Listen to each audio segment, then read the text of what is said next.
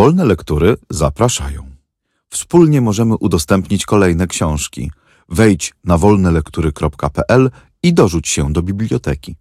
Audiobooki wolnych lektur są udostępniane na wolnych licencjach, co oznacza, że możesz je swobodnie wykorzystywać, udostępniać, pobierać i publikować pod warunkiem zachowania warunków licencji i zgodnie z zasadami wykorzystania wolnych lektur, które znajdziesz na naszej stronie wolnelektury.pl.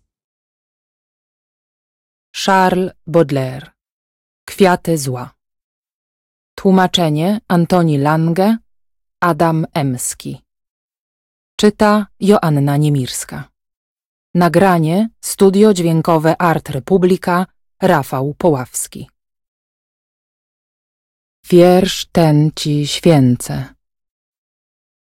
Wiersz ten ci święcę, aby jeśli los ma zdarzyć, iż szczęśliwie jak okręt wichrami goniony imię moje epoki dojdzie oddalonej i na dźwięk jego w wieczór mózgi będą marzyć, pamięć twoja jak baśnia mgłami osłoniona nużyła czytelnika, ciągle w pieśniach gwarząc i bratnim się mistycznym ogniwem kojarząc, ze mną na hardych moich rymach zawieszona.